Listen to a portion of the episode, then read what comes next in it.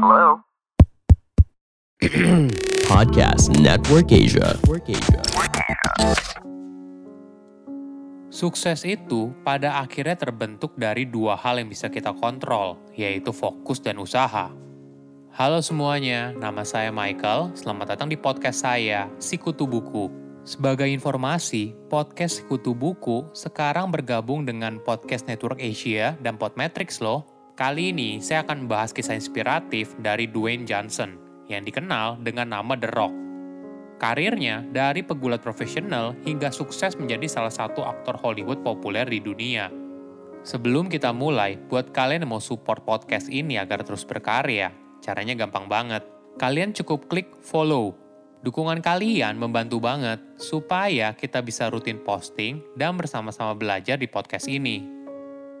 Dwayne Johnson atau dikenal dengan nama The Rock lahir pada tahun 1972 di California. Namun, ketika dia berusia 14 tahun, keluarganya pindah ke Honolulu, Hawaii karena pekerjaan ayahnya. Sejak kecil, Dwayne sudah terkenal atas keahliannya dalam olahraga. Dia aktif dalam olahraga atletik dan gulat. Maklum saja, Dwayne dibesarkan dalam keluarga olahragawan. Kakeknya merupakan salah satu pendiri dari program TV Polynesian Pacific Pro Wrestling pada tahun 1980-an. Sedangkan ayahnya yang bernama Rocky Johnson merupakan pegulat profesional dan juara kelas berat Georgia kulit hitam pertama, serta juara acara gulat televisi Amerika NWA. Mungkin sekilas keluarga mereka terlihat mapan, namun ternyata walaupun ayahnya memiliki karir sebagai pegulat yang sukses, keuangan keluarga mereka tidak begitu baik. Dwayne mengenang masa kecilnya saat itu, mobil ibunya ditarik karena tidak mampu membayar cicilan, keluarga mereka digusur, dan rumahnya digembok. Dia juga masih ingat ibunya saat itu menangis dan bingung keluarga mereka tinggal di mana. Masa kecil yang berat membuat Dwayne terjerumus pada aktivitas kejahatan. Sebagai gambaran, di Waikiki ada sebuah jalanan di mana banyak merek mahal di sana. Mulai dari toko fashion mewah, toko perhiasan mahal, dan sebagainya. Banyak turis datang ke Waikiki untuk belanja di sana. Kesempatan ini dimanfaatkan oleh para kelompok pencuri di mana Dwayne juga tergabung di sana. Mereka lalu merampok para turis tersebut. Tentu saja, tidak semuanya berjalan lancar. Pencurian ini sering kali membuat Dwayne ditangkap oleh polisi. Lama-kelamaan dia sadar, walaupun tidak semua hal di dunia bisa dikontrol, namun hal yang bisa dikontrol adalah bagaimana dia membawa dirinya sendiri.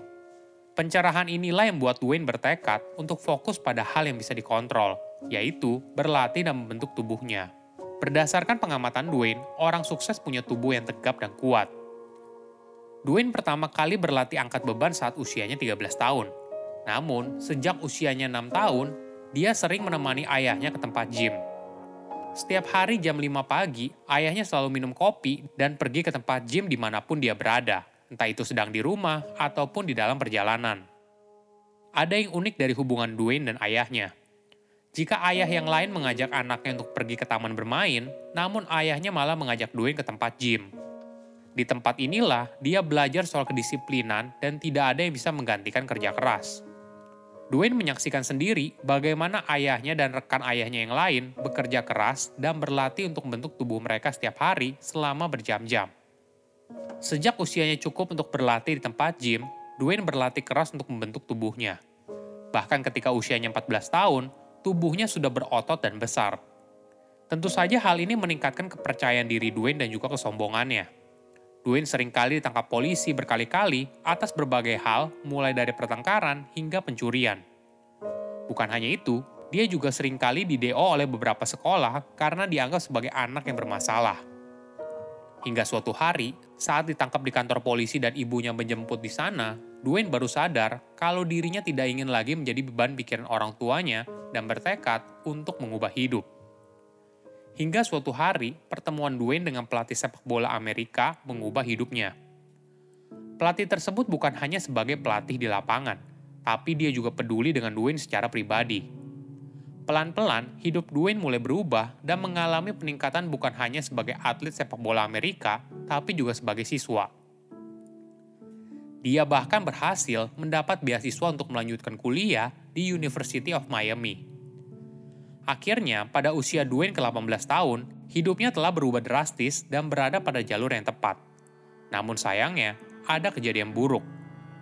Saat latihan, bahu Dwayne terkilir dan cedera ini sangat parah. Kondisi ini membuat dirinya sangat depresi dan sering bolos kuliah. Hingga pada pertengahan semester, nilainya sangat buruk. Kejadian ini tentu saja membuat pelatihnya sangat kecewa. Dia memberikan ultimatum kepada Dwayne karena beasiswanya terancam dicabut. Jadi, Dwayne harus hadir di setiap kelas, pergi ke tempat gym setelah kuliah, dan datang ke setiap pertemuan klub. Dwayne baru diizinkan untuk bermain di lapangan apabila nilainya membaik. Tentu saja kenyataan ini membuat dirinya shock. Dwayne sadar kalau beasiswanya dicabut, maka hidupnya akan berantakan. Orang tuanya tidak akan mampu membayar uang kuliahnya. Di sinilah Dwayne harus mengambil sebuah keputusan. Dia akhirnya kembali ke prinsip suksesnya di awal, yaitu fokus, tekun, dan tentu saja kerja keras. Dwayne pun melakukan semua yang diminta oleh pelatihnya. Nilainya kembali bagus, dan akhirnya dia diizinkan lagi untuk bermain di lapangan. Ketika lulus kuliah, Dwayne melanjutkan karir impiannya menjadi pemain sepak bola profesional. Namun sayangnya, baru dua musim bermain, kontrak Dwayne diputus. Dia kembali masuk ke dalam jurang depresi. Mimpinya telah pupus, masa depan Dwayne kembali kelam. Saat itu, hanya tersisa 7 dolar di kantongnya. Dia bangkrut dan tidak tahu harus apa. Dwayne lalu menghabiskan dua minggu berikutnya hanya duduk di depan TV dengan tatapan hampa. Itu merupakan titik terendah dalam hidup Dwayne, hingga akhirnya dia teringat masa kecilnya dulu dan mulai berlatih di tempat gym. Ketika satu pintu tertutup, maka pintu lainnya akan terbuka.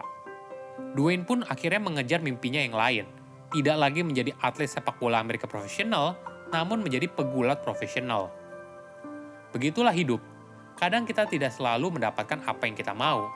Namun, ketika ada kesempatan baru muncul dan kita bersedia bekerja keras untuk meraihnya, mungkin hal tersebut jauh lebih baik daripada apa yang kita impikan.